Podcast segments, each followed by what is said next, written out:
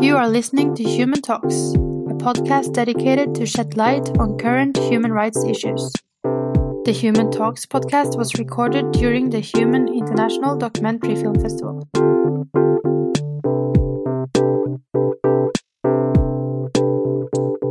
Welcome here today. Uh, we're going to talk about um, the big questions in uh, global political economy, um, consequences of economic crisis for population in crisis countries, and uh, how we can better mediate uh, the impacts uh, of citizens post-crisis. Um, starting with the financial crisis in 2008, we've seen a lot of societal impacts uh, that are quite um, yes, well, adverse to welfare. Uh, we have seen a decline in uh, welfare, uh, pensions being cut. Uh, we've seen uh, the deregulation of labor laws.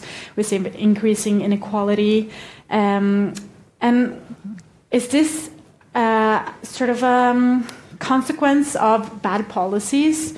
Is it uh, merely a market failure and uh, where the system we have is good enough or we have the tools to get out of this crisis? Or is it some sort of system flaw that is uh, creating these bubbles that burst and the negative impacts that follow? And we have a very competent panel here today to discuss these questions. We have Maria Berg economist and journalist at Morgenbladet and also author of several books. We have uh, Jeffrey Franks, who's a doctor of uh, political economy and governance from Harvard, and he's the uh, director of uh, IMF, International Monetary Fund's Europe office. And we have Camilla Houeland, developmental scientist uh, specializing in labor law. And we have Erik Reinert, economist and professor of uh, technology governance and development strategies at Tallinn University of Technology. Uh, welcome to the panel. Yes. And um, going sort of um, back to basics, uh, the International Monetary Fund is um, organization or institution uh, that gives uh, crisis loans when countries are in economic crisis uh, to get them back on the feet and try to get out of this uh, quagmire of uh, political and economic consequences of crisis. And Maria, you've just written a book called The Veien til Bretton Woods, or the voyage to Bretton Woods, on the creation of the international financial uh, financial institutions. Um, so, Maria, just to take us back to the start, in 1944, um, when the IMF was uh, uh, um, created? What was the aim? What was it uh, they wanted to uh, sort of create with these international financial institutions? Mm, they wanted to create a, a, better organized world economy, and an alternative to the 1930s, where we have this very aggressive economic nationalism. That also created the really aggressive political nationalism and, and fired up um, on the um, political um, crisis in, in, in Europe. And they saw that if you were to, to organize the world economy better, make it kind of safe for free trade and um, freer movement of, of, capital, then which they wanted, then then you had to sort of sort out two things. The one thing were, were the um, international currency regime. They wanted stable. Um, um, values of the different international currencies, so we wouldn't have this competitive devaluations that you had in the 1930s. That was one thing. Another thing that saw was that they had to tackle the um, the the recur, recurring um, debt crisis, and then they wanted some system so you could get loans to, to countries in economic crisis and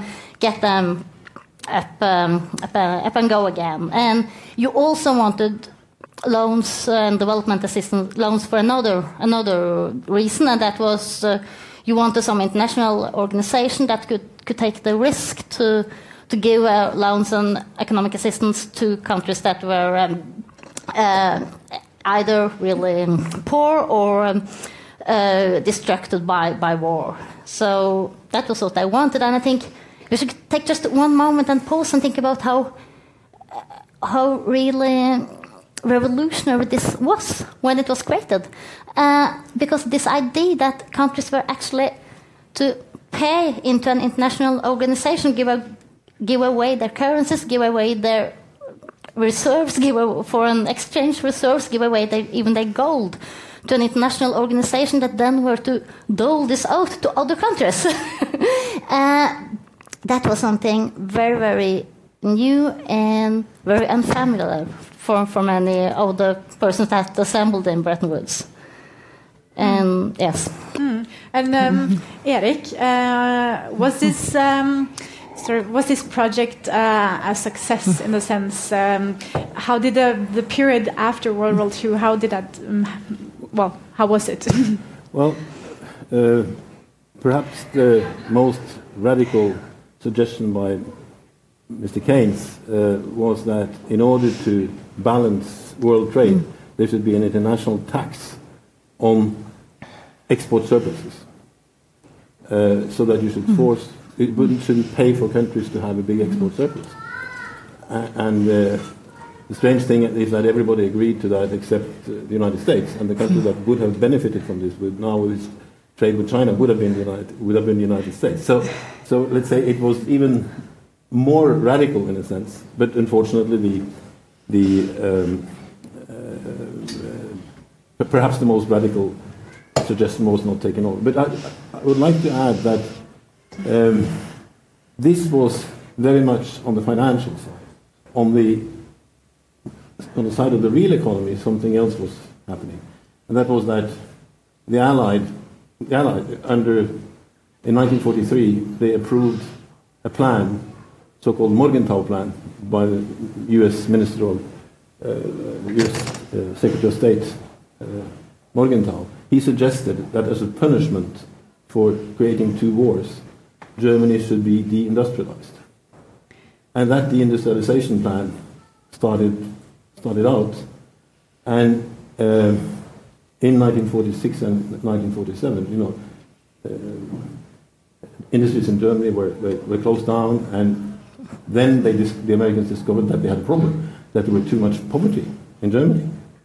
And they created the opposite of the Morgenthau Plan, which was the Marshall Plan, uh, which was to reindustrialize not only Germany, but all countries let's say from Norway, Western Europe, Turkey, Taiwan, Korea, up to Japan, and created a sanitary belt around communism, a sanitary belt of rich industrialized countries, and that was that was very successful. I brought a graph. If so, if we, if we can look at the success of of the, uh, I can't see it, but we can we, we, we can see how incredibly successful the growth we had between 1950 and and, and, and, uh, and, and 1970. Uh, and that was the Marshall Plan. And Marshall Plan wasn't about free trade. I have to correct you. It was about free trade in the long run, but in the short run, you know, Norway until 1956, when I grew up, uh, you know, we, we couldn't import we couldn't import uh, clothing because we needed those jobs. We couldn't uh, private people couldn't import cars, etc., etc. So, so there were lots lots of restrictions, but it was very it was very, it was very successful. So I think this is something that we should remember now when we see the problems. The problems we're starting to see now are not unlike the problems that the Americans saw in Germany. And, and Herbert Hoover, the ex president who, who, who was sent there to see what was wrong, said there's only one problem with the deindustrialized Germany that 25 million people too many. Should we, what should we do? Should we exterminate them or should we take them somewhere else? If so, if so where? Then it took three weeks and the, the Morgenthau Plan was dead, and the Marshall Plan was announced at Harvard on June 7, 1947. So this is, this is a story of success, and then we can see the success that came later. We have the Asians who, who, who took over our formula and, and, and, and, uh, and, and, went with it. So I think it's something very important here. The, the speech of General Marshall when he announced the Marshall Plan was written by a Russian expert a Russian expert who was also his, his, his translator from Russian, who said, you know, if we don't cure this poverty in, in uh, Germany, there will be a revolution. So uh, we can come back to this, but the, the role of the Cold War in economic development, the, the important development paradigms was done under the threat of communism. And I think something very important happened with the fall of the Berlin Wall in 1989 when the, when the enemy was no longer there. Right? So, so this is a very conservative argument. I think competition is important, and I think competition is important always also between economic systems. And, and, and we don't have that competition anymore, which, which is a pity. You know, I, I also studied at Harvard, but on the other side of the river at the business school, so I'm far from being a communist. But I suddenly come to see that the role of the labor unions, all these things that made income distribution easier, they, that kind of died with 1989. Less in this country, but more in, in, in other countries. So I think we, this is an important argument, the, the, the, political context that created the success.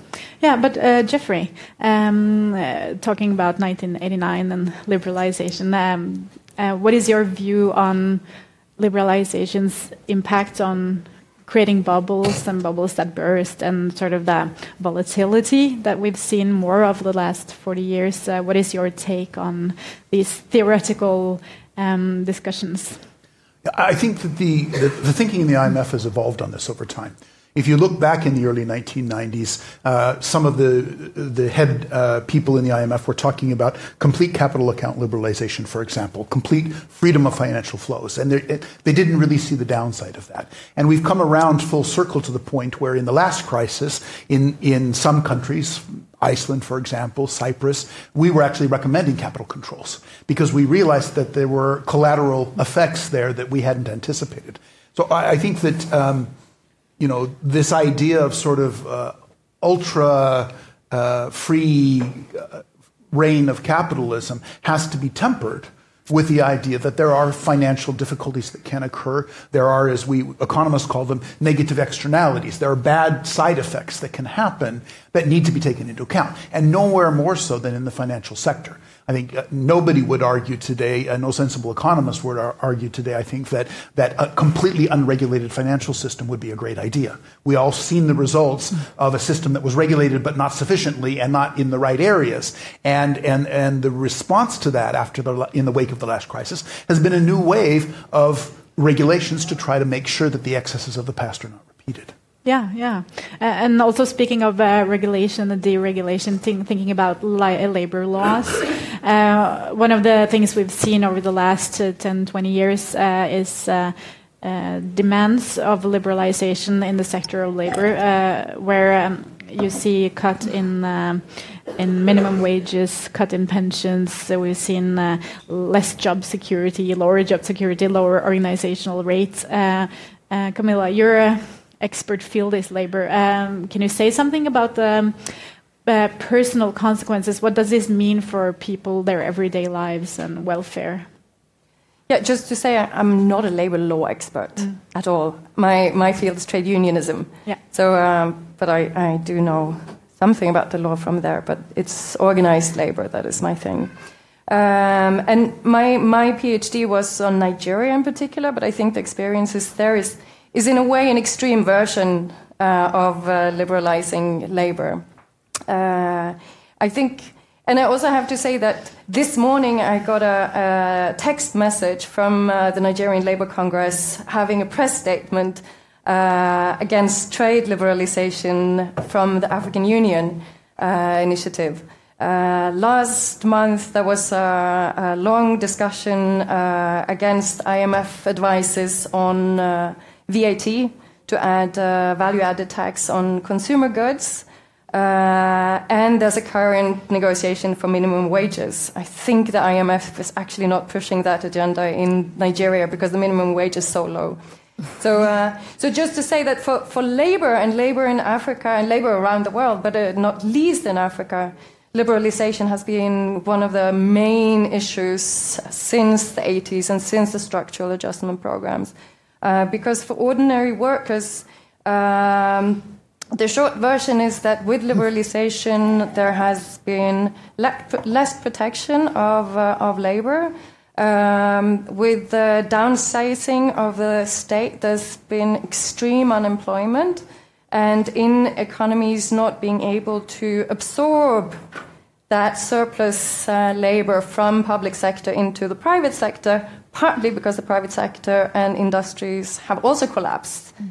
Uh, and even the informal sector has not been able to to absorb these workers. So there's an extreme level of, uh, of unemployment.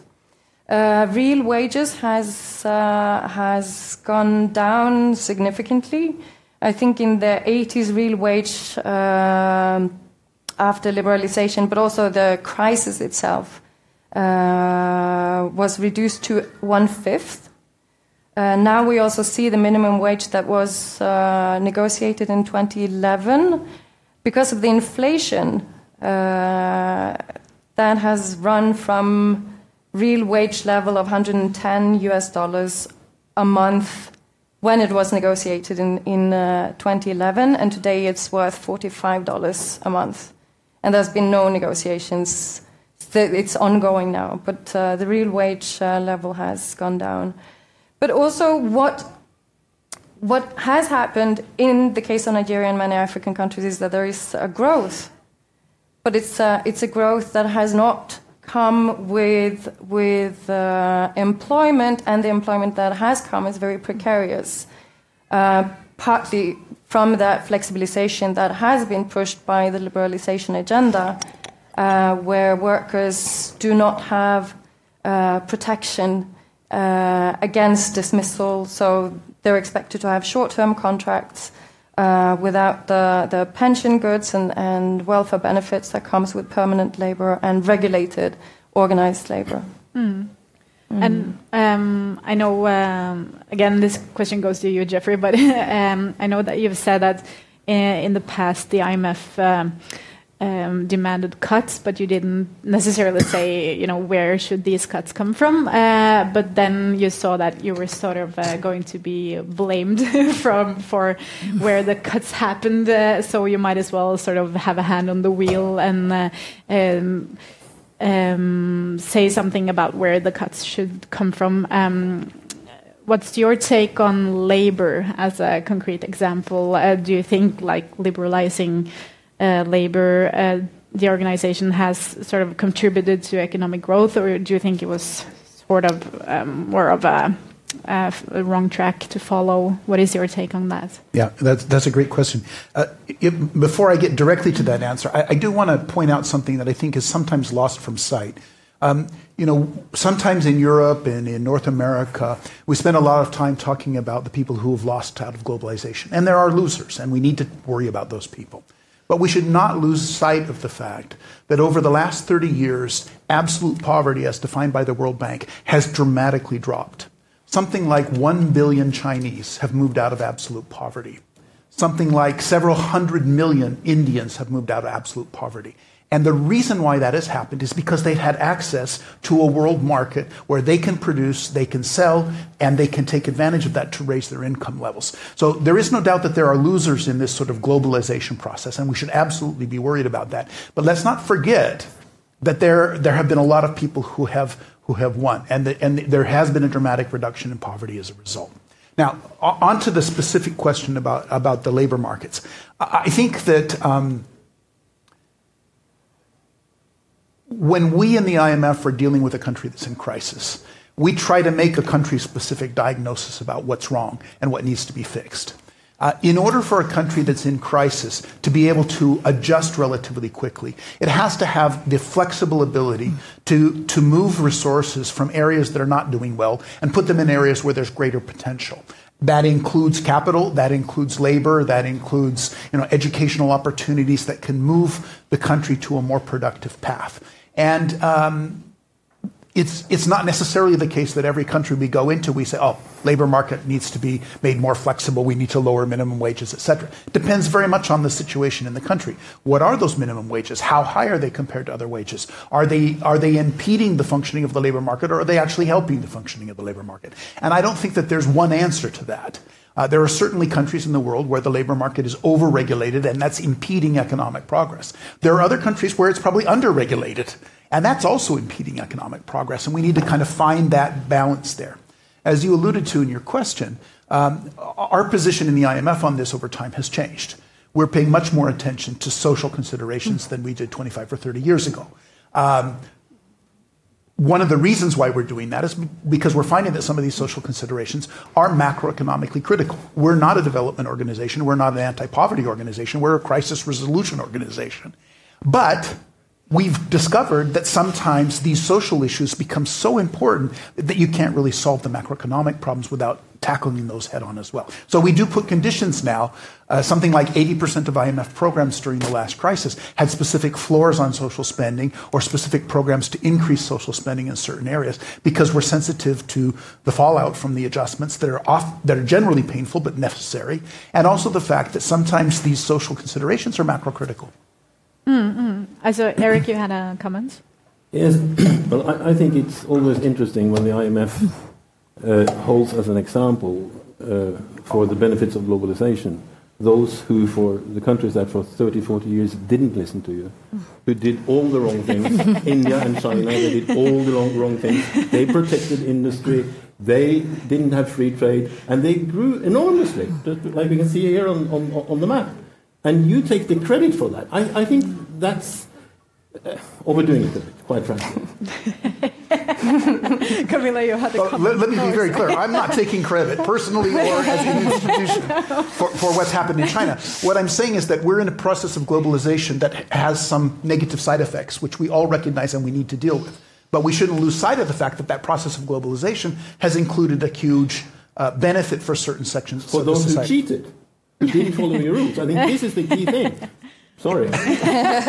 Camilla, what's your comment? Yeah, I also have to say uh, about the, there's uh, a lot of poor people who are not absolutely poor, but they may live on $2 a day instead of $1 a day. We're not really at the end of development by, no. by that. Mm-hmm. And for instance, in Nigeria now, which has had growth continuously until the oil crisis, so if we, if we do not take the oil crisis in 2014, there was high growth. And there was a lot of talk about this growing middle classes with the definition of $2 a day, with purchasing power and lots of investment in Chinese coming in, selling their goods.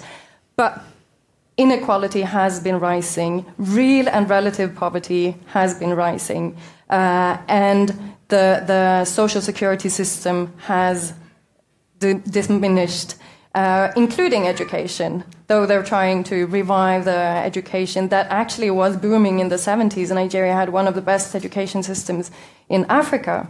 So, I mean, if you put it on upside down, we're sitting in one of the very regulated societies that has not done what IMF has asked us to do. Uh, we're good. Uh, but we also see a tendency, and uh, there are African scholars who say that we are seeing European labor market being Africanized. We're not seeing the writing on the wall because Africa has had a hyper liberalization, and common people has lost out. And even though some very poor are not so poor anymore, the inequality and the those who really gain from the, the growth we've seen over the last 10, 15 years are not necessarily the general people. And I think this is also important because it's not just a question of, of going from $1 to $2 or $3 a day, but it's also a sense of, as citizens in a society, seeing, and Nigeria is a bit of an extreme case, but maybe that also makes it a good case, that the extreme wealth of the elite in Nigeria it's, it's, it's so blatant, it's so in your face that it feels unfair. And it creates anger, it creates distrust in government. And we do have a problem. We see all over Africa because I think this kind of the, the inability of distributing the wealth that has been created justly and fairly creates this distrust in government. We've seen protests over Europe, in the US, in the Europe, and all over Africa, and, and a growing problem with the state growing populism, and I think all these things are are interlinked. There's uh, a general feeling among, especially youth, who do have education but there's no job, uh, who feel left out of, of the benefit of economic growth. Yes, and that's very interesting. Uh, you're coming into a topic that's very relevant today, uh, namely the rise of populism in the in the Western world, and uh, you see these things as Brexit, Trump. It becomes macroeconomically critical, as you said, Jeffrey. Um, uh, and I was thinking. Um, I often the, the, debate on whether liberalization has been negative or positive. Uh, um, like if you see the bigger picture, that's um, uh, policies coming out of a crisis intervention. But sometimes uh, it seems that uh, how to avoid these crises gets sort of lost in the debate because uh, we're always sort of running behind the problems instead of uh, being able to be uh, ahead of the curve and um, like Christine Lagarde, the managing director of the IMF, uh, is uh, often out saying, you know, when the sun is out, you have to take uh, advantage and fix the roof. and it seems that in good times, we're not fixing the roof enough. Uh, on the other hand, con on contrary, um, countries often accumulate more debts uh, in good times uh, and to support the kind of counter-cyclical policies that Keynes advocated, you have to have an economic buffer uh, in order to spend money in a crisis situation to keep the wheels turning, like we've been luckily been able to do in Norway after the financial crisis, after the oil. Uh,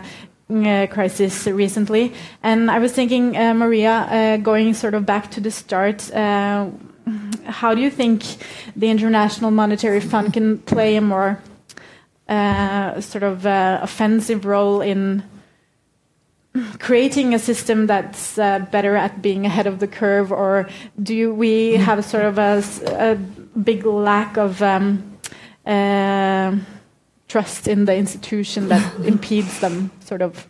What do you think, Maria? To, to, to do that? Yeah.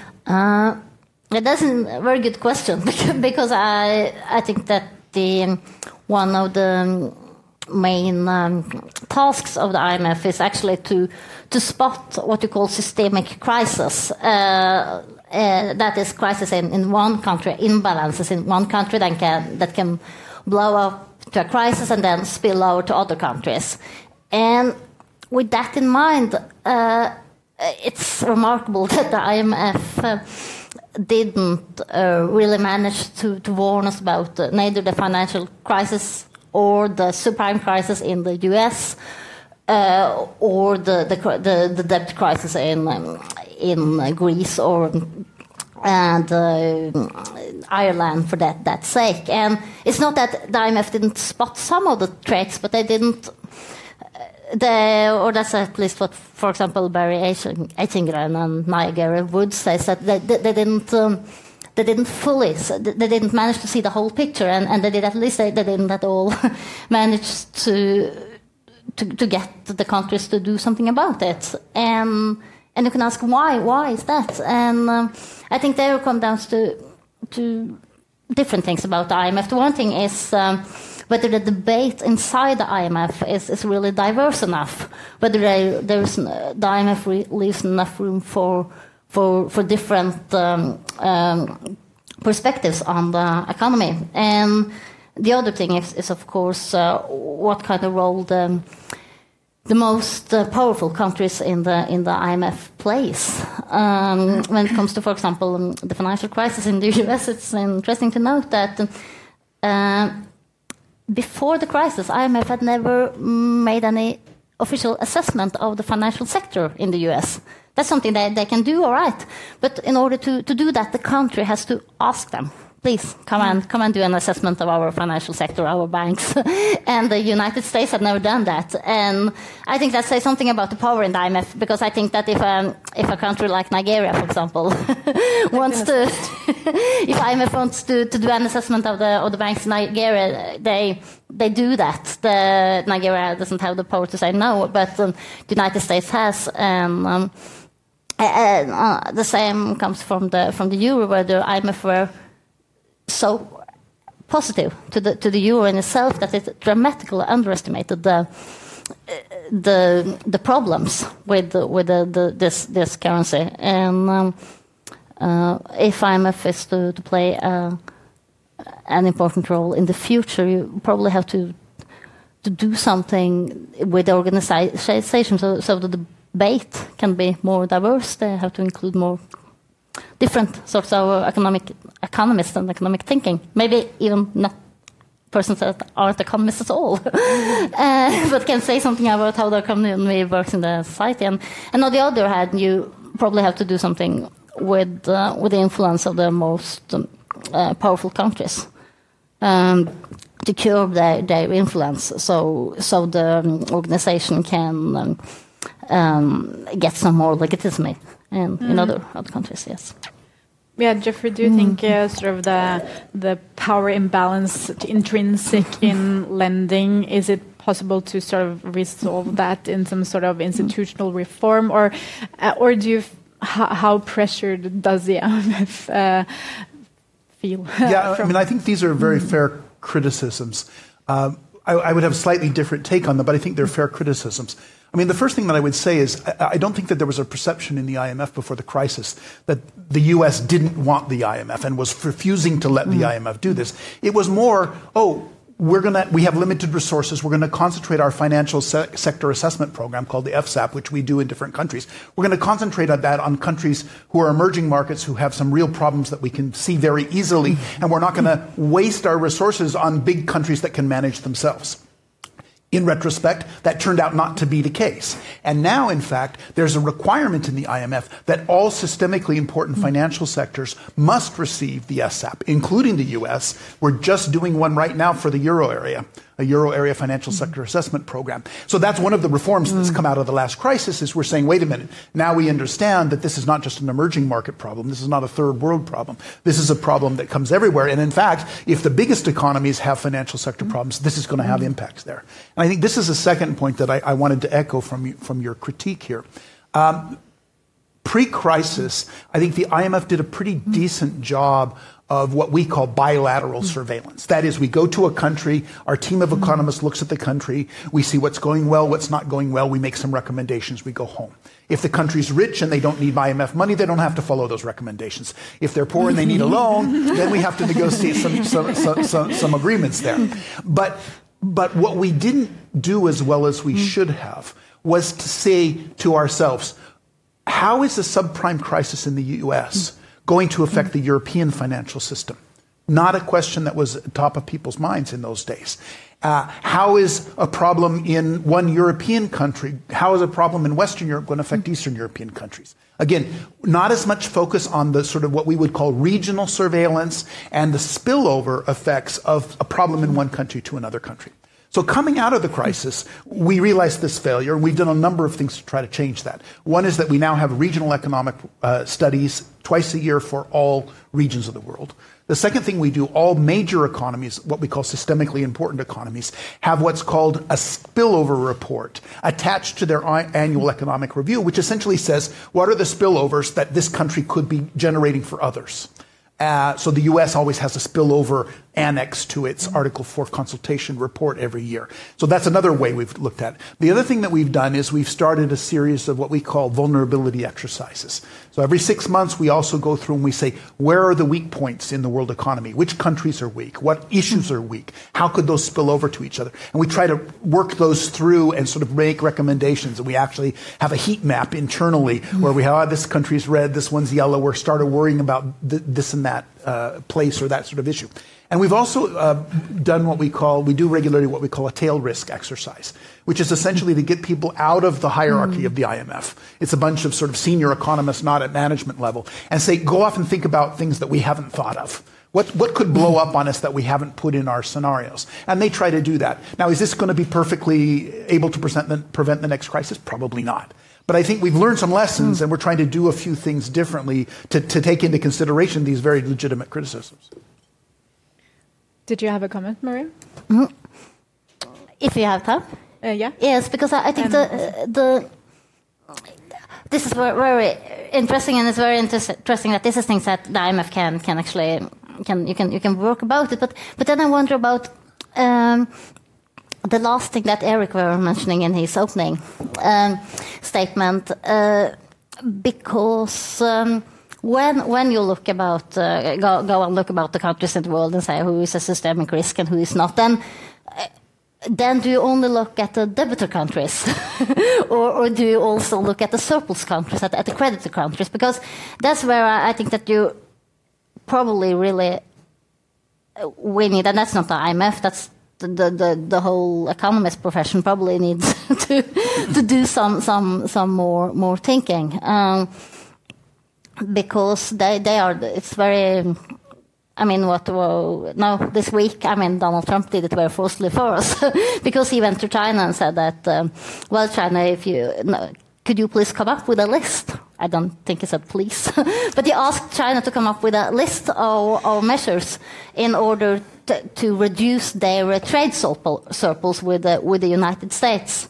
Uh, so he, in a way, he placed the responsibility for the U.S. trade deficit with and fixing it with China and uh, uh, he can do that because he's a very powerful country. I guess that uh, Greece would loved to do the same when, with Germany back in 2011. And of course, they didn't have the power to do that. And is that a, their place that IMF can, can play a role here uh, to do more than just ask Germany, as they do now, to, to do something to reduce their trade surplus? Is this a, is this a yeah. Could you do Erik, something Erik wants to come in here, but yeah. he made the right point at the beginning, mm. which is Keynes, when he was thinking about mm. the IMF, mm. envisaged exactly this: that there would be a bilateral, uh, uh, um, a symmetrical mechanism, that there would be mechanisms to adjust deficit countries, but there would also be mechanisms to adjust surplus countries. And he lost that battle. And we don't have a mechanism. There's no mm-hmm. official way yeah. in which the IMF can do this. So we're sort of in the position of saying, you know, we're warning this is an issue. And if you look at our reports on Germany, you'll see we're warning this is surplus is too big. But uh, but we don't have the mm. we don't have any tools to you need that. to tackle that. Yeah. Erik, what's your take on this? Well, uh, I think the, the, the point of, of, of, also doing something to the surplus countries is, is, is extremely important. And, and, uh, and Germany is, is, is clearly the big sinner there. You know, if, if we could get Germany out of the euro, uh, you would have a German mark which was worth two euro, and most of the problems of Europe would have been solved. Uh, so, so there is one uh, former Vice Minister of Finance in Germany, Heiner Flassbeck, who keeps saying this all the time, and, and, and, and, and, and he is right. But uh, I'm worried that we, we, back to this monopoly position again. You know, there were people who had other opinions. There was a gentleman by the name of Hyman Minsky, an economist from Chicago, who was not a Chicago economist. He, his whole career, he said, this is going to happen again, and he explained the mechanisms very well. He, all, he died a year before the Asian crisis, so he, he, he couldn't see it. But Minsky was right. But in order, if you believed in Hyman Minsky's thesis, there were only two places in the world you could get a job as an economist. That was University of Missouri, Kansas City, and Bard College, upstate New York. So if you believed really that financial crisis were a problem, you had to sacrifice your career and go to a third-rate university, right? After the crisis, of course, Minsky comes up again, and now all the big economists uh, attend the Minsky conferences at Bard. But this is again back to you know university competition. Universities should be places that separate in doing slightly looking at the world from slightly different angles. Because if everyone looks at it from the same angle, we, we risk what we saw that everyone is wrong at everyone is wrong at the same time. So, so I think this is this is serious, and and I think it's also serious that we we see some of the problems that created the World War II, we see them again. Um, one of the words on the almost prohibited list of words in German is Zinsknechtschaft. And Zinsknechtschaft means debt serfdom. Yes. Um, yes yeah, yes. And um, and, and this was clearly the problem. You know, Germany and Keynes said this in 1916. Keynes, you know that, that if we if we give so much debt to Germany, we're going to have a war in one generation. Nobody listened to Keynes. Right? After World War II, they listened to him when we had the Marshall Plan. But now we see this again. I tend to visit the, the sickest patients. Uh, Eritrea, Zimbabwe, Ukraine, Moldova, places I've been to the last year. And, and there, I think, I believe that if you look at the sickest patients, you, you, you see the clearest symptoms. And what I see coming back is Zinsknechtschaft, is, is, is debt. Know, people in Georgia, which used to be a high-tech country, two years ago, their, their, their uh, trades, their trade, surp- their trade deficit was 50%. I mean, they, they, impo- they imported at twice of what they exported. And, and IMF, I think, or the world community say, no problem, you know, just continue. We'll give you money, we'll loan you money. Right? So this debt problem is growing again. And, and, and that was unfortunately, unfortunately, the Germans had a point in the 30s. This, this, you know, people were led to starve because so other people wanted their debt back, paid back. And this is partly the Greek problem, right? And if you look at economic history, there have been hundreds and hundreds of, of defaults, national defaults. You know, even England defaulted a couple of times in, in historically. So I think we should allow, allow nations to, like companies, mm. nations should be allowed to, to, to, to, default, and, and Greece should be one of them. And I think there's several candidates in, in, in, in the former Soviet bloc. So if I have made it, uh, this is the last graph. This is a graph of the countries. countries to the left here are, are uh, Ukraine, Georgia, and other countries that were actually wealthier under communism than now. If somebody had told me in, in 1990 that in uh, 1989 that, that you know some countries will never will not be as rich again as they were under communism, I would say you're crazy. Communism was such an inefficient system, right? But here you have a lot of countries where GDP was higher under communism, which just makes this banal point that that it's better to have an inefficient industry than not to have any at all. It's like saying it's better to be a mediocre lawyer in Oslo than to be Oslo's most efficient dishwasher in restaurants. You know, we can see this from a common sense level, but if you see it through the lens of Ricardian economics, we no longer see it. Right? So, so I'm, I'm back to this economic structure thing, which, which, which I think uh, has been forgotten for, for, for, for, a long time, for a long time. Latvia didn't do that badly, but that's because 20% of the population left. That was 250,000 people. 20% of the Ukrainian population, which are going to leave if the EU doesn't change their policies, are 8 million people, 40 million people in the Ukraine. And if we want to, if we want to stop damage from, being, from happening, well, then we should go in and, and allow the Ukraine to do something about their industrial sector, and, and we should allow them to, to do what China and, and uh, uh, and, uh, and India did more or less successfully. You know, I think this is the lesson. The problem are, you know, Schumpeter used to say that, well, if the real economy is okay, the financial problems will take care of themselves. Right? I think, I think this, the problems start in the real economy, and then you see the symptoms in the financial economy. And, and then it's perhaps better to go to the, the causes than, than, than to cure the symptoms. Of course, you have to do both. But, but I think we, we're making the same problem, you know, we have the same problems in the 30s, and we have the same problems, the big problem of German-speaking population left outside Germany. Now we have the problem of Russian-speaking population left outside Russia. Pensions in Russia are three times as high as pensions in the Ukraine. So, so we in the West, we, are building a case where we're throwing the Ukraine into the arms of the Russians because it's, you're so much wealthier if you're a Russian. I mean, we don't know these things, and, and I think these are things we should worry about, and these are the results of free trade at the wrong time, I think. So. Mm. Uh, we're uh, soon uh, going to um, uh, take some questions from the uh, from the um, from you here, but we have three more comments. So Camilla first. Yeah, I'll try to be short because uh, I'm not an economist, and I, I think it's very interesting to hear. But I'm just thinking as someone interested in, in popular movements and trade unions, exactly this kind of discussion is so far away from the everyday life of ordinary workers and ordinary people. And, uh, and what I referred to earlier with this popular protest, I think is, is also interesting. I think, like the worst case, Zimbabwe, when they started liberalizing, what happened then is that the trade union movement moved away from ZANU-PF. And, and so the, there's a political thing happening that I think is interesting that popular movements uh, tends to, to oppose these kinds of policies and uh, in, in a democratic way, which I think was good at that time. Mm-hmm. Uh, but there's also uh, struggles within these movements to, to find the alternatives that you talk about.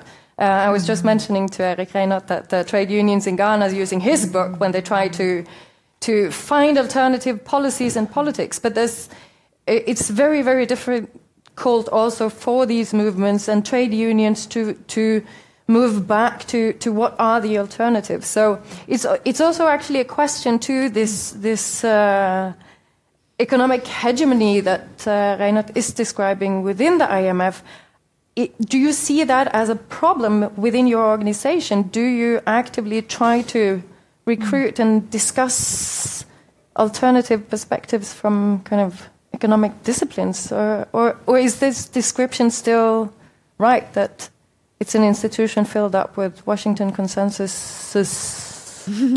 economists from the Ivy League and not the third ranking universities in the US. yeah, Jeffrey? um, well, you know, on, the, on this specific point, uh, um, you know, we have an internal discussion about this issue. Um, we have employees at the IMF from 140 different countries. So, from sort of a nationality perspective, it's an extremely diverse organization. It's one of the most interesting things I find about working for the IMF is that it's more diverse than any uh, place you could possibly uh, imagine to work. Um, we we do hire the best economists that we can find. And there has been some criticism that, well, you're just looking for the, you know, the top 20 universities. Uh, and, and there's some truth in that. I mean, we're looking for, for, for the best performers that we can find.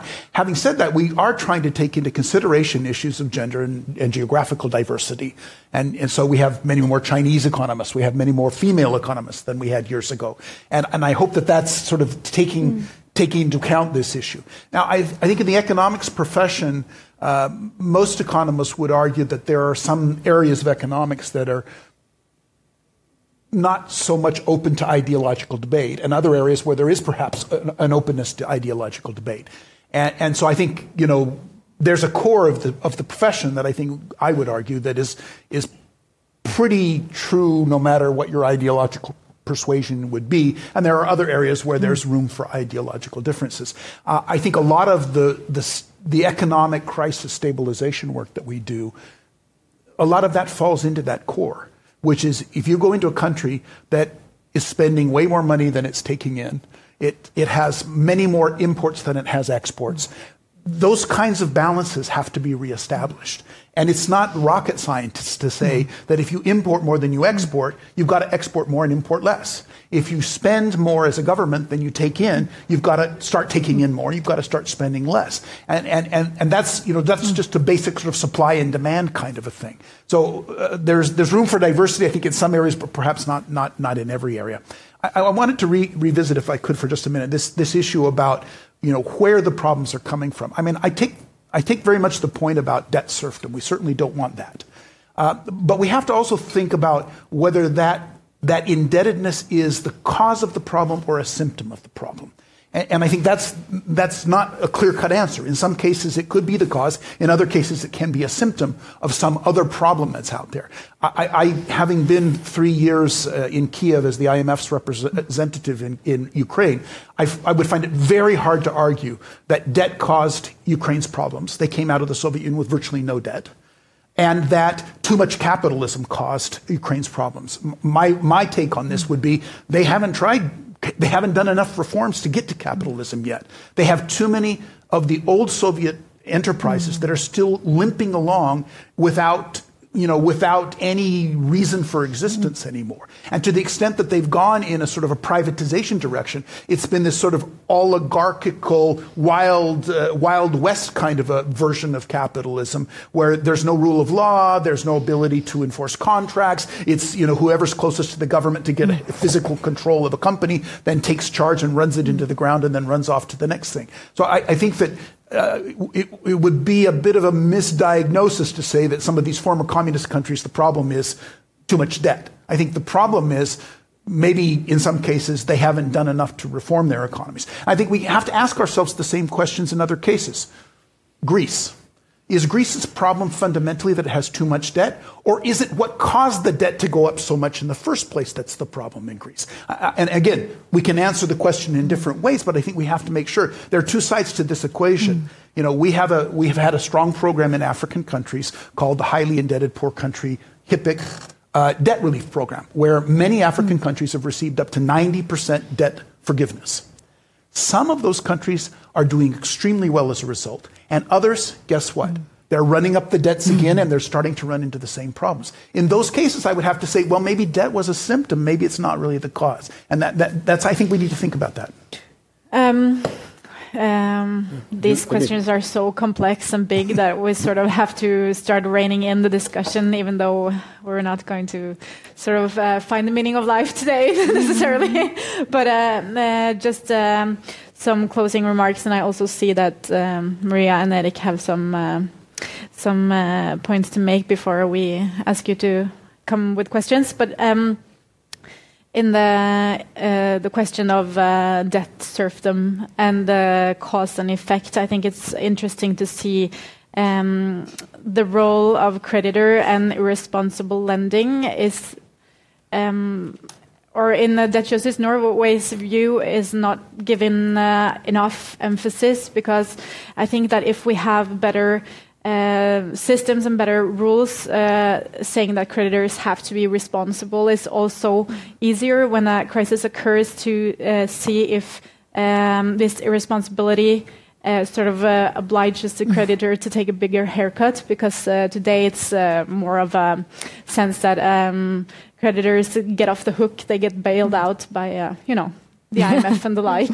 And uh, Norway is an example of that. Uh, the government pension fund Global, we were quite heavily into Greek uh, government bonds in before the financial crisis, and we were quite tough on getting a full return. Uh, so. Um, bigger responsibility on the lender side is definitely important. Um, Maria, what was your comment on um, Jeffrey's? Uh,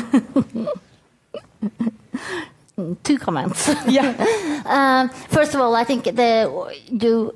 Uh, your last comment about um, it's not rocket science to see that if a if a country has a a big big deficit runs a big deficit on its uh, budget, then then you have to reduce your um, spending. All right, and yes, everybody agrees to that. Or yes, in the long run, you probably have to do that. But I mean, discussion uh, in Europe or during the Asian crisis is, is the is the right time to start this austerity in the middle of an economic crisis.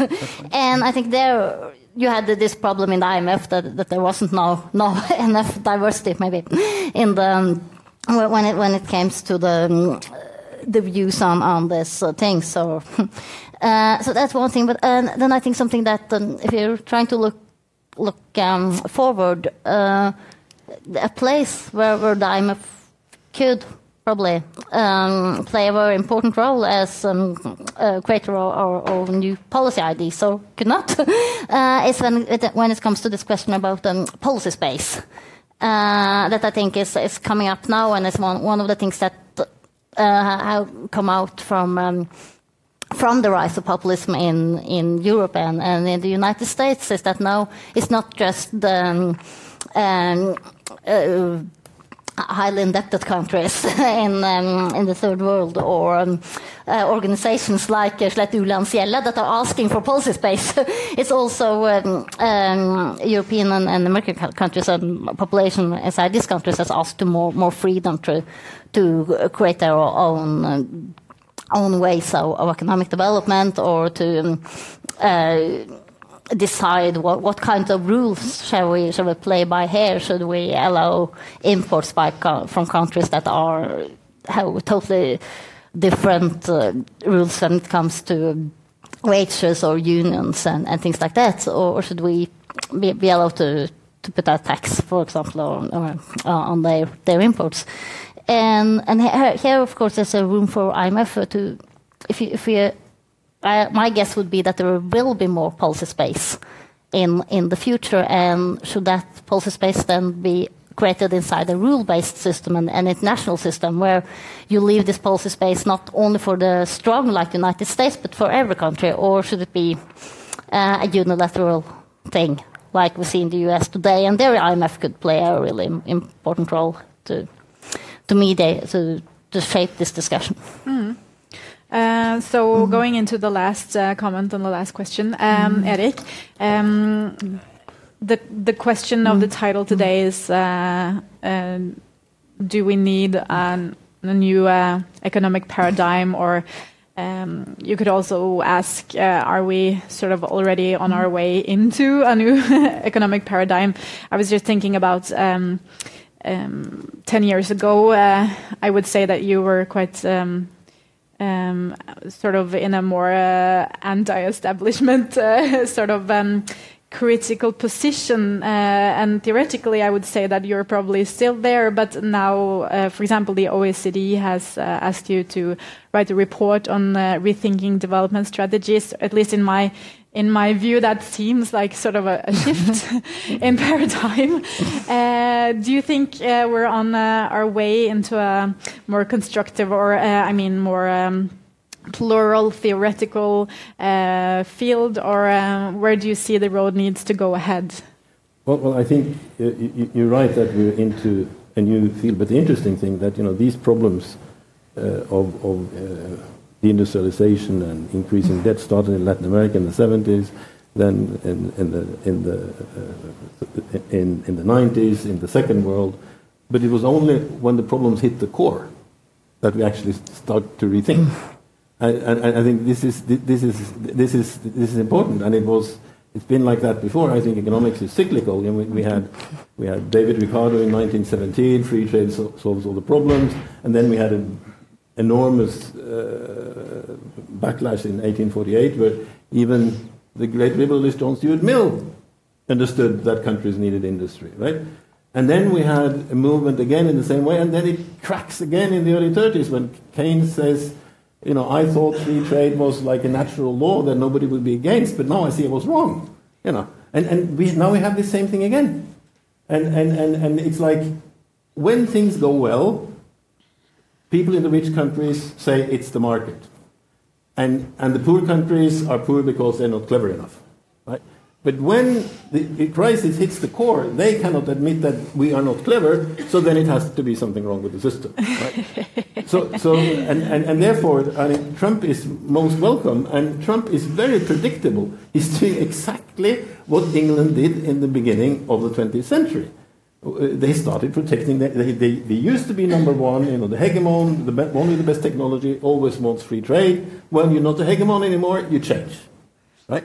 And now, and, and now China is, is, the rule. If you see, if you see this in this perspective, what's happening now, it's it's very normal and and and and, and very predictable. But but but you're right that you know that the OECD is asking me to to to do this. Is is uh, I was very I was very surprised. You know, I thought I, I, always I always thought that, that with Ibsen that the minority is always right. You know, that's always that's always comforted me. But now when I'm becoming mainstream, maybe I'm not right anymore.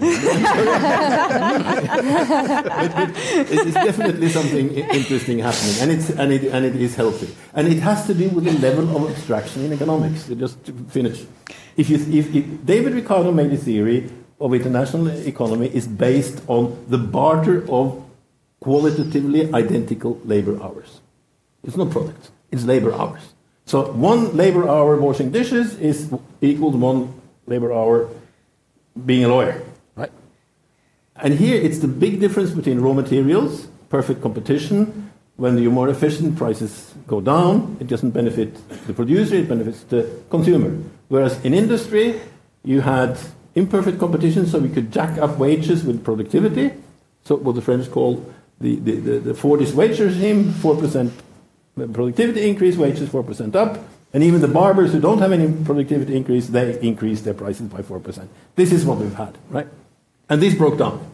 And this is what the third world hasn't had. So I think uh, that's what we, we, we need another Marshall Plan. Because if, how did we solve the debt, debt problems in Europe after World War II?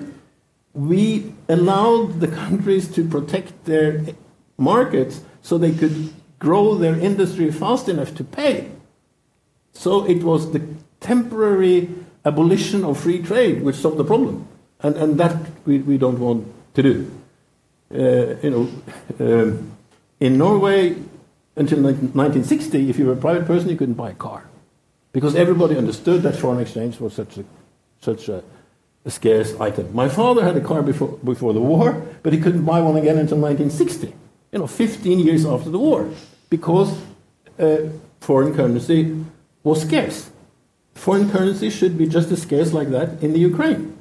Then they would be forced into producing more. And, and it's too long to go into to, to the the, the, problems of, of, of, Ukraine not being allowed to, to protect its economy, but, but they, they are not, right? So, so, so I think uh, we've solved this problem before, and then we say, well, if we go back and see how we solved it then, that, that, that would be a starting point. Hmm. It's very interesting, and of course, uh, these are enormously big questions, and uh, at least uh, I feel kind of like so many thoughts at the same time right now. But um, do you have any questions? Uh, was there something during this conversation? Yes, um, we have um, we have a microphone coming your way. Yeah. Um, do I have to introduce myself? What? Do I have to introduce myself? Uh, yeah, you could please introduce yeah. yourself. Um, yeah, I'm. Uh, my name is Marcel Ingles. I am a researcher on on trade unions as well. Um, I come from the same university. Um, I have been studying social movement, uh, social movement unionism, and one of the things that uh, has not been um, uh, elaborated on is how how the trade unions and the social movements in Nigeria have actually responded to the structural adjustment programs. What mm. sectors were actually reacted? Are there any um, directions that the trade unions are actually thinking when it comes to economic paradigms? What are is it just reactive, or are they pushing in more reforms or alternatives that are coming from the grassroots, especially the movements? Camilla. Thank you for. I'm happy that you ask uh, about trade unions.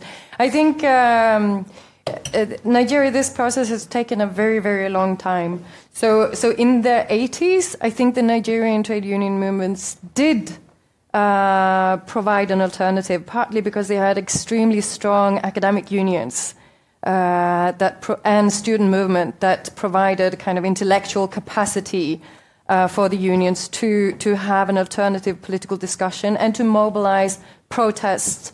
Uh, and they have been through, through protest and strike since the late 70s and especially in the 80s, been able to, to cushion a lot of the, the liberalization processes. And I think probably the biggest one and most controversial one is to, to resist the deregulation of fuel subsidies.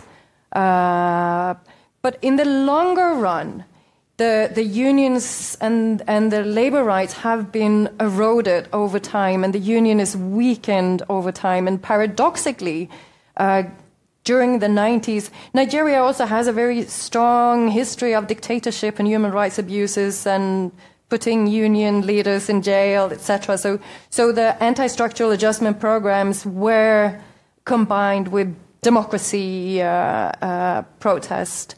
So, and they certainly did have a role in promoting democracy. And I think in many ways that is seen all over the, the African continent that social movement unionism has had an effect on political change, but they're struggling to actually have a real impact on economic change.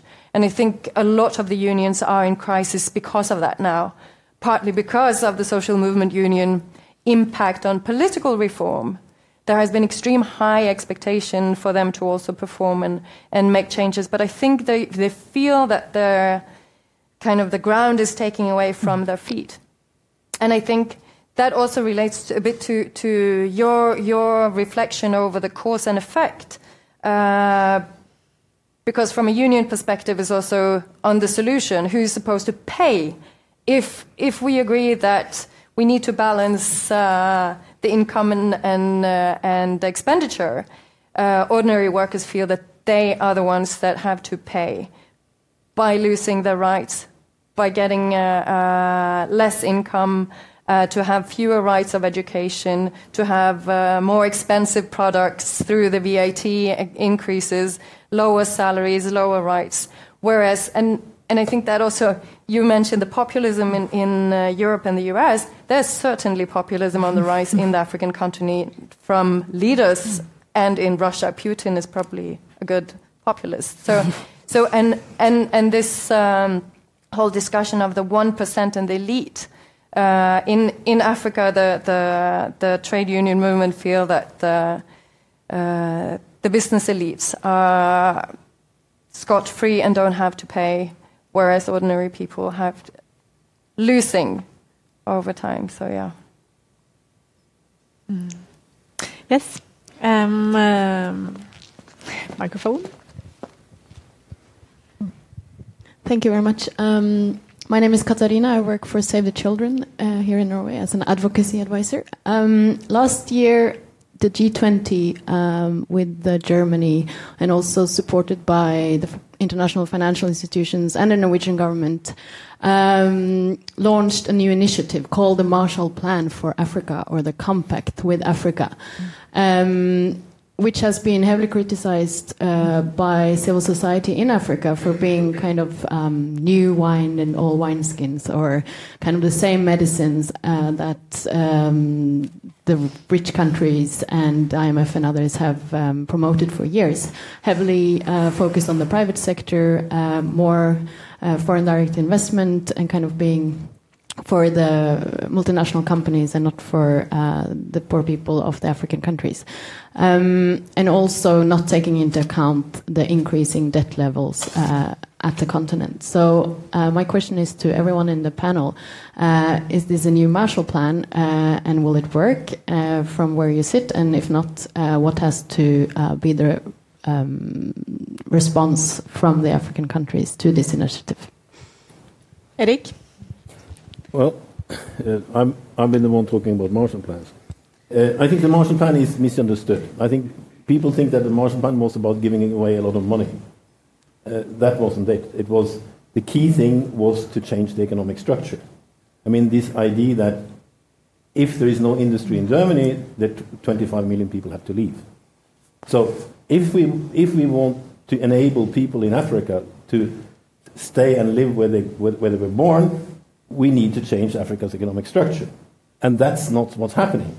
Because that needs, just like the Marshall Plan, a temporary relief from free trade in order to build it up. So, so, so I think the Marshall Plan is being, is being misused. Um, I coined the term palliative economics when, when, when, when, when the, uh, with the Millennium Development Goals. Uh, you know, you can't cure poverty but you can tr- try to alleviate the pain, like you do with terminally ill patients. And I think Africa was treated like a terminally ill patient. Uh, you, you, you try to, to ease the pain, but you stop trying to cure it. And, and the cure, I mean, I've been spending many years on this. If you go back five, you can go back 500 years when Henry VII started putting an export duty on English wool in order to build up the English, uh, the English woolen cloth industry.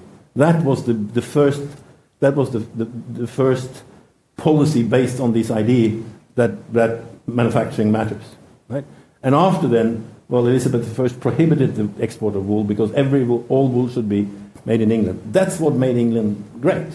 And then we have a couple of parentheses from 1817 to 1848 and, and, and, and, and, and now from 1970 until about now, we've had brief parentheses where people thought that free trade solved the problem. Free trade is great between people of nations of the same level of development. So by all means, let's have free trade in Africa. But, but, but using Marshall Plan hiding the idea of giving away money, really doing palliative economics, I think is, is wrong. It's misusing the term and it's not addressing the problem.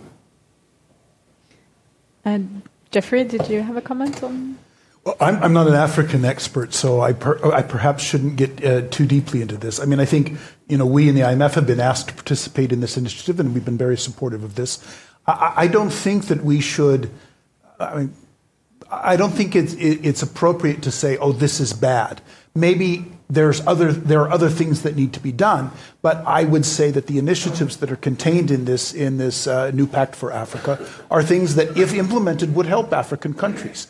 So maybe there needs to be other things in addition. Maybe there needs to be a social component that's not there. I don't know the details, but I think that it, uh, efforts to to provide additional resources to African countries uh, shouldn't be um, shouldn't be rejected uh, on the face of them. I, am you know, we could have a long debate with Erik about whether protectionism is what made England great. I, I, I, would, I would beg to differ. Uh, I mean, this is, this is an old infant industry argument which has existed in economics for 150 years, and I think 450 years. Okay, 450 years. Um, See, I would only date, date, economics from, from Adam Smith, but um, but but I think that uh, um, but I think that we also have to recognize that every act of protectionism creates distortions, and it also lowers the overall welfare level of the country that's implementing the protection. So when we say we are going to put, uh, uh, the United States is going to put a huge tariff on steel and aluminum. What's the thing that a lot of Americans are saying? This is going to make our auto industry less competitive because we're users of the steel and aluminum. This is going to make other components of the US economy poorer. And what economic theory and I think economic practice would tell you is that the net is negative. Protectionism reduces the net welfare of a country. Now, it can favor certain parts of an economy, and the infant industry argument is essentially let's favor certain parts of the economy to the detriment of the rest of the economy for a period of time, because in the long run, that will make the, the, the, that sector of the economy an engine of growth for everybody else. But I think we have to be very careful about this. I mean, I, I, would, I would echo back to this issue about, you mentioned in passing, this issue of fuel subsidies. We've done a lot of research in the IMF about fuel subsidies. More than 80% of the benefits of fuel subsidies go to the top 10% of the economic distribution of the population.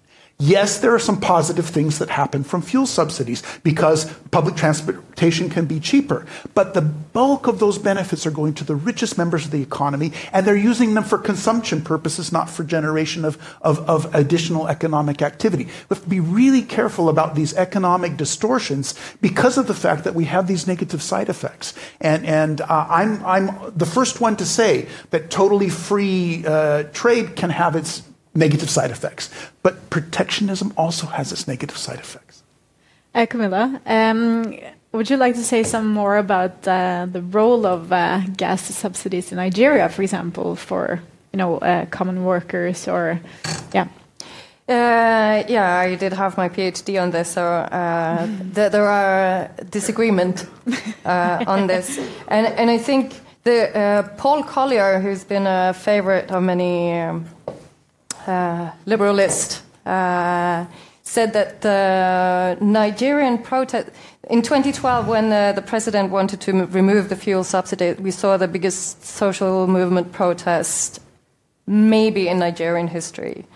Uh, and he, Paul Collier, said that this uh, looked like the folly of the Tea Party with poor people uh, protesting in the street for the, the benefit of the middle classes, hence not understanding their own uh, good.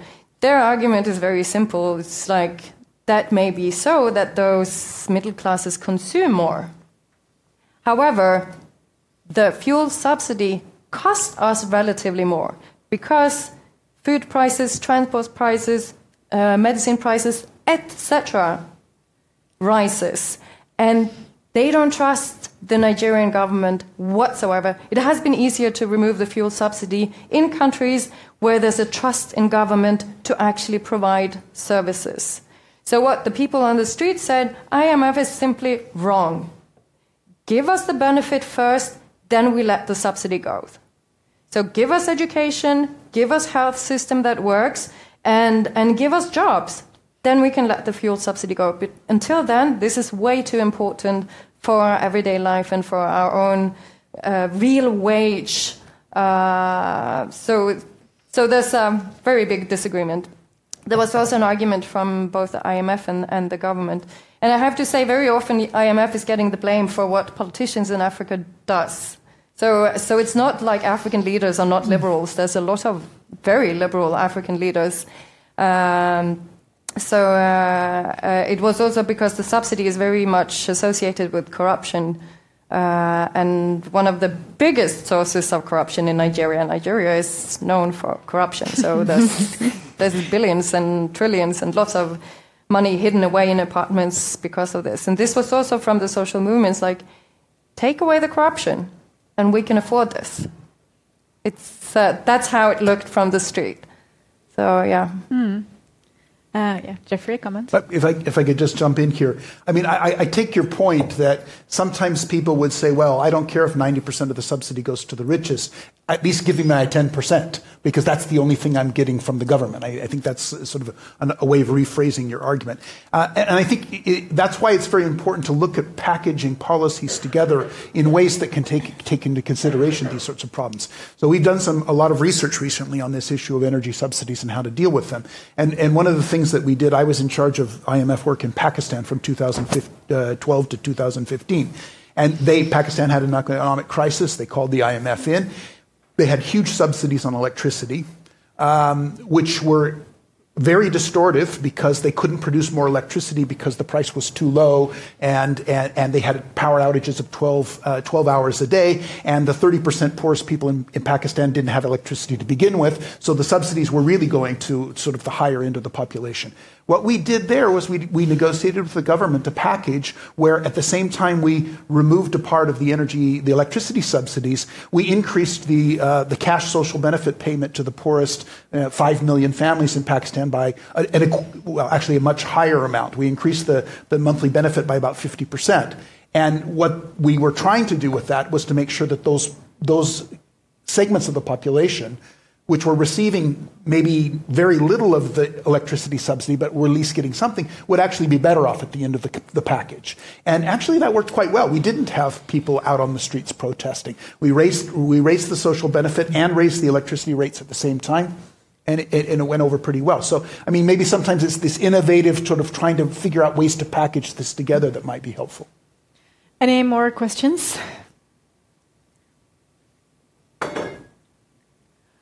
I observed that you had a comment, Erik. Do you want a closing remark? well, uh, be a, a, remark in favor of distortions.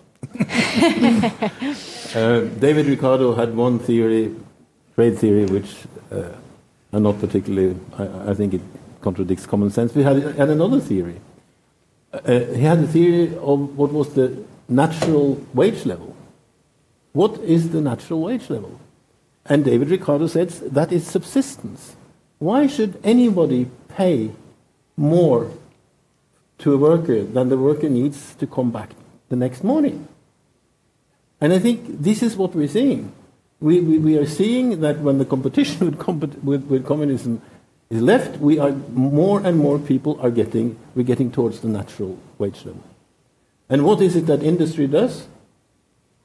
Industry does not apply to the normal laws on economics. It's not perfect competition. It's not barriers to entry. It's very imperfect competition. It's very high barriers to entry. That makes high wage. That makes high profit possible, but also high wages. So we escaped from the subsistence wage level because we distorted things away from what economists would call perfect market. So, but, so the problem was that from this first graph, we grew very much when we distorted the economy away from the model of perfect competition. And, and, and then the economists kind of took the credit for that. They thought, they thought it was perfect competition that made it. And they, they made, oh, perfect competition is fantastic. And then with perfect competition, everybody gets poor because Ricardo was right on that. And just in uh, uh, what is it, Lin Yifu, who was the, the, the head, the chief economist of, of, of, the, of the World Bank, but not for many years, he said that uh, no country has ever got rich without industrialization, except a couple of oil-producing countries. So, so this is a natural law, and it's from way before Adam Smith. We made a list took my wife, who's a librarian, and myself, a Harvard librarian, like 25 years. We made a list of all the economics books that had sold in more than 10 editions before 1850. And Adam Smith is number 53 on the list Okay. of 80, right? So, so uh, there was a lot of economics. Um, industry was started before Adam Smith, and then we have these little parentheses, and now we, we, we're at the end of a parenthesis. And I agree with you with, with, with Trump's. Uh, and I finish with one story from the 1840s. Somebody wanted to make somebody wanted to make fun of industrial policy, and they said um, there is a petition from the candle makers against the unfair competition from the sun. Right? The candle makers want to be protected from the sun, and this is what Trump is doing. You know, he's protecting the coal, the, the coal mines from solar energy. So he's protecting the candle makers from, from the unfair competition from the sun. So he's protecting absolutely the wrong things. So it depends also what, what you protect. You know, that's, that's, true. that, Very that, that, that, Yes, as a as a good closing anecdote. Um, thank you so much for coming today. I hope you can uh, take away some new insights from this conversation, and uh, hopefully the future will be brighter. Let's see what happens. Uh, Next time around, when uh, the historically high debt levels the world has accumulated after the financial crisis uh, come up to the fore. We'll see what happens then. But uh, hopefully, we will be ahead of the curve and making better decisions next time around. Thank you so much. And um, yes, thank you all for coming. Thank you.